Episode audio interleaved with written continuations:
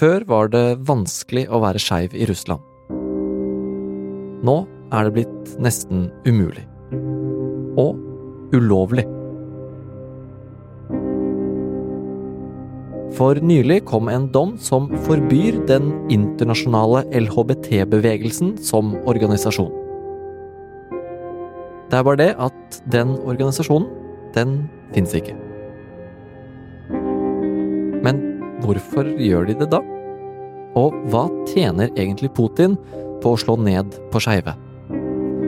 Du hører på Forklart fra Aftenposten, hvor vi tar for oss én nyhet i hver episode. I dag om Russlands nye LHBT-lov. Det er mandag 11. desember, og jeg heter David Bekoni.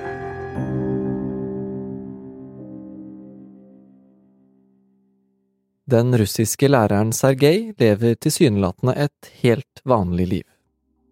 Aftenposten har møtt 57-åringen, som er gift, har en 17 år gammel sønn og jobber på en barneskole i Nizjnij Novgorod, en av Russlands største byer.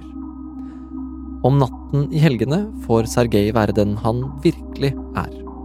Han er bare livredd for at kollegene på skolen skal få vite om det. For det kan få alvorlige konsekvenser. President eh, Vladimir Putin har hatt lyst til å forby det han kaller den internasjonale LHBT-bevegelsen. Helene Skjeggestad er tidligere Russland-korrespondent her i Aftenposten, og har bodd av og på i Russland i mange år. Og nylig var det klart for en offisiell avgjørelse angående Putins ønske.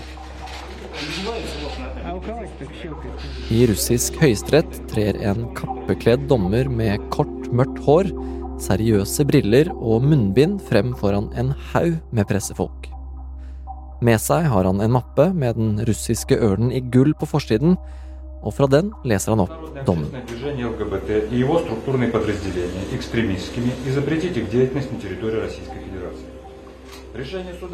Det han leser opp, er jo egentlig akkurat det Putin ønsker seg. Altså en erklæring om at den internasjonale LHBT-bevegelsen, ifølge Høyesterett, er en ekstremistisk organisasjon. Det betyr at den rett og slett blir forbudt, så egentlig all aktivitet som kan knyttes til denne bevegelsen, straffes med fengsel i opptil ti år. Og så er det bare ett problem, da. Den såkalte internasjonale LHBT-bevegelsen, den finnes ikke. Det finnes mange grupper over hele verden som jobber for skeives rettigheter, som eksempel FRI her i Norge. Men den i anførselstegn internasjonale LHBT-bevegelsen er ikke en organisasjon. Den er ikke registrert i Russland, har ikke medlemskort, årsmøter eller kontingent. I Russland nå så er det mange andre organisasjoner som har blitt forbudt fordi de regnes som ekstremistiske, for eksempel menneskerettighetsorganisasjonen Memorial, som da vant Nobels fredspris i fjor. Men ifølge russisk lov så må det bevises at det finnes en faktisk organisasjon, og at denne organisasjonen har handla på en såkalt ekstremistisk måte. Og ifølge en juridisk ekspert som Aftenposten har snakka med, så er det ikke mulig i dette tilfellet, for det, det finnes ikke en sånn bred LHBT-organisasjon. Så for å ha muligheten til å slå ned på skeiv aktivisme i Russland, så trenger myndighetene en organisasjon de kan forby, som da igjen rammer alle som er en del av LHBT-miljøet i landet. Men hvordan myndighetene faktisk begrunner det her, det, det vet vi ikke, for eh, høyesterettsbehandlingen skjedde bak eh, lukka dører, og det var kun resultatet som blei publisert. Og selve begrunnelsen, den er hemmelig. Ja, og det hører jo med til historien at Russland flere ganger før har erklært organisasjoner som ikke finnes for å være ekstremistiske, og deretter har satt folk som de mener har bidratt til den organisasjonen i fengsel. Hva kan den dommen her få å si for skeive i Russland eh, nå? Vi har sett at eh, i andre sånne tilfeller med sånne dommer, så har folk blitt satt i fengsel for å da bidra til disse forbudte organisasjonene. Og så vet vi det at skeive i Russland de har fått det gradvis verre de siste 10-15 årene, men dette forbudet her det rammer mye bredere, og det kommer til å treffe langt flere. Eh, for eksempel så mener eksperter at det å være bare åpen om seksuell legning kan bli sett på som ekstremistisk. Eh, all aktivisme kan bli ansett som ja, å delta i en ekstremistisk organisasjon, og personer som bare snakker om LHBT-rettigheter, kan ja, havne i trøbbel med politiet. Tilbake i Nizjnij Novgorod har Aftenposten vært med på en skeiv nattklubb. Klubben er ikke lett å finne. Her er det ingen skilt, og du må gå inn i et mørkt portrom hvor du kan ringe på en grå metalldør. På innsiden blinker lyskasterne. Her inne danser menn tett sammen med andre menn og kysser åpent. Andre skåler og ler. Ved midnatt starter et show med dragartister. Da går stemningen i taket.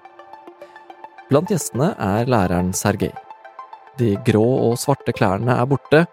Nå er han sminket og har på seg kjole og platåsko. Han ler og sier her kan jeg være meg selv. Utpå morgenkvisten stivner smilet.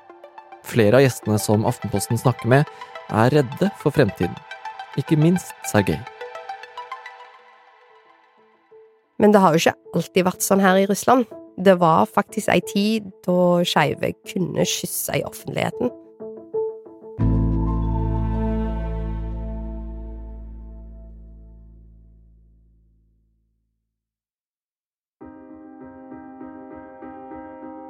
Jeg har bodd i Russland til og fra de siste 17 årene, og da har jeg alltid opplevd Russland som svært tradisjonelt samfunn med sterke kjønnsroller, det er mannen som er sjefen, og ja, det er en patriarkal struktur, selv om det alltid har vært liksom, innslag av sterke kvinner òg.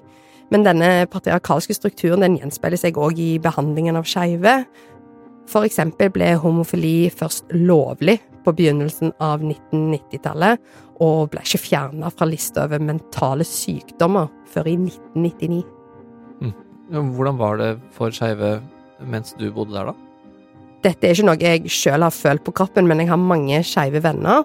For da jeg først begynte å reise til Russland, så var det liksom en sånn reell optimisme blant de skeive vennene mine. Altså, det var jo hemmelige klubber og, og nervøsitet da òg, men, men, jeg husker for eksempel godt en kveld i 2012. Da var vi ute på dansegulvet på en av liksom, Moskvas mest hippe barer, og da kyssa en av mine aller beste venner kjæresten sin i offentligheten. Altså om mann kysser mann. Og det var ingen som reagerte på det. Og etterpå så tok han meg faktisk hardt rundt skuldrene, og så snakka veldig høyt der for å overdøve musikken, og, og, han sa liksom 'Så du det? Så du det? Endelig kan jeg vise hvem jeg er glad i'. Så dette var jo en tid med veldig mye optimisme. Ehm, for eksempel så tilbrakte jeg de aller fleste helgene i denne perioden på dragshow, som ja, så mye annen kultur i Russland holdt et veldig høyt nivå. Det var rett og slett veldig, veldig gøy. Og jeg har òg holdt kontakt med en av disse dragartistene, som heter Miami.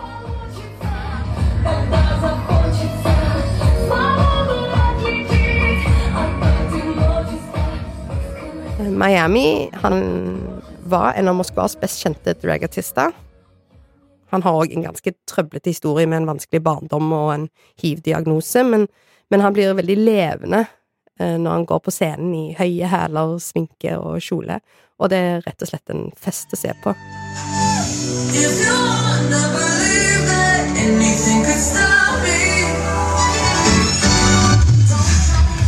Men den festen får man ikke lenger se i Moskva.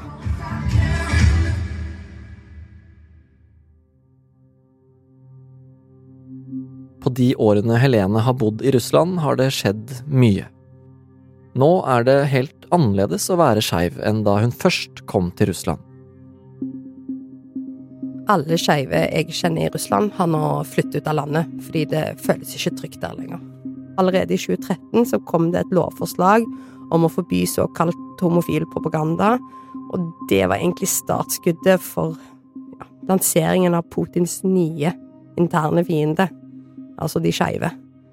Og siden den gang har det bare vært farligere og farligere å være glad i en av det samme kjønn i Russland.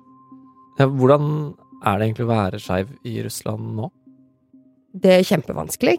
Eh, noe av det som, som, gjør at du kan havne i trøbbel, er leie av kjæresten på gata, eller kysse eller klemme kjæresten, eller, eller bare ha på seg fargerike klær eller ha hull i ørene fordi man kan bli mistenkt for å være skeiv.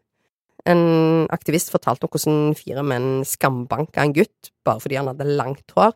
Det mente de var et tegn på at han var homofil, da.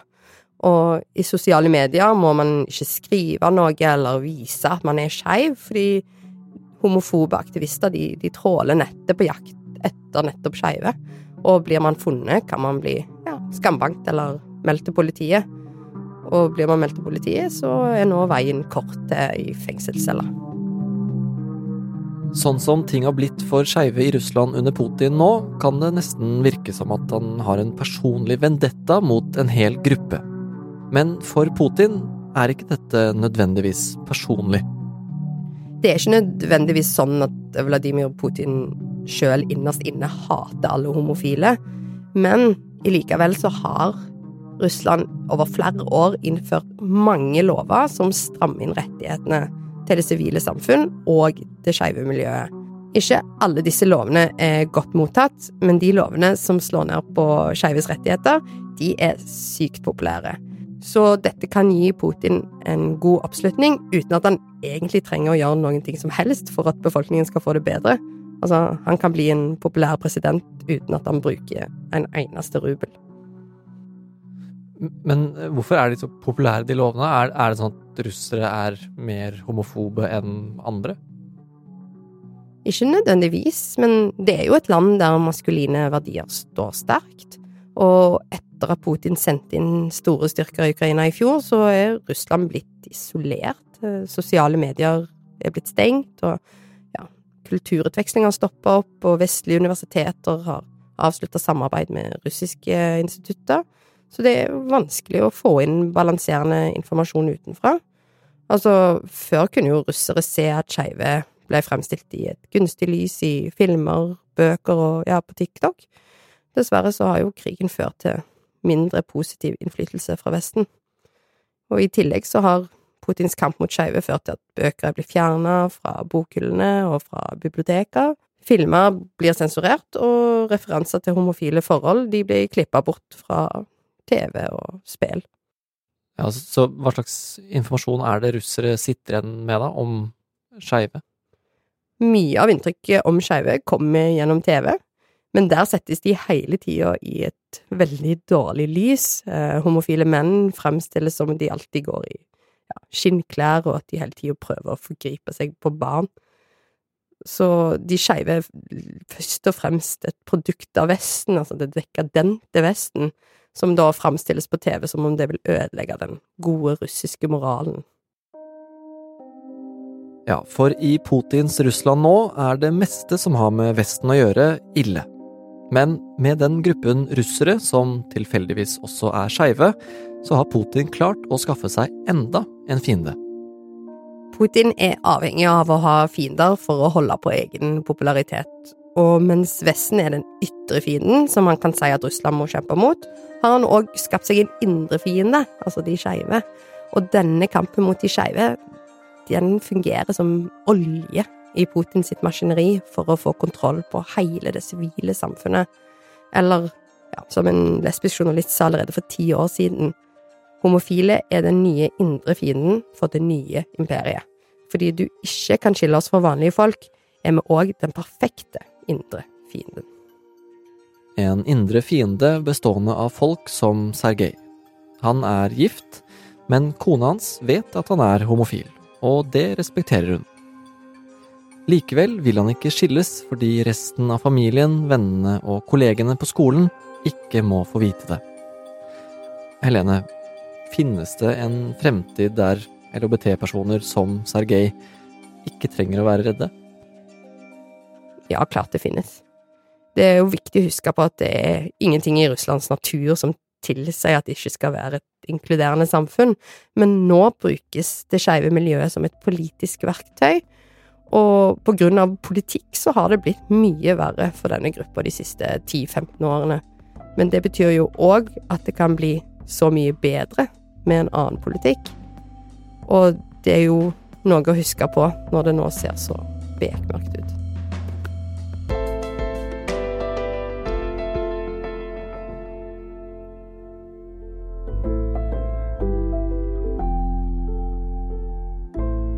Du har hørt en podkast fra Aftenposten. Det var Helene Skjeggestad som forklarte Russlands nye LHBT-lov. Og Russland-korrespondent Per Christian Aale er den som har møtt Sergej i Nizjnij Novgorod. Lyden du har hørt, er fra nyhetsbyrået AP og dragartisten Miamis Instagram. Denne episoden er laget av produsent Jenny Førland og meg, David Vekoni. Og resten av Forklart er Olav Eggesvik, Synne Søhol, Fride Næss Nonstad og Anders Weberg.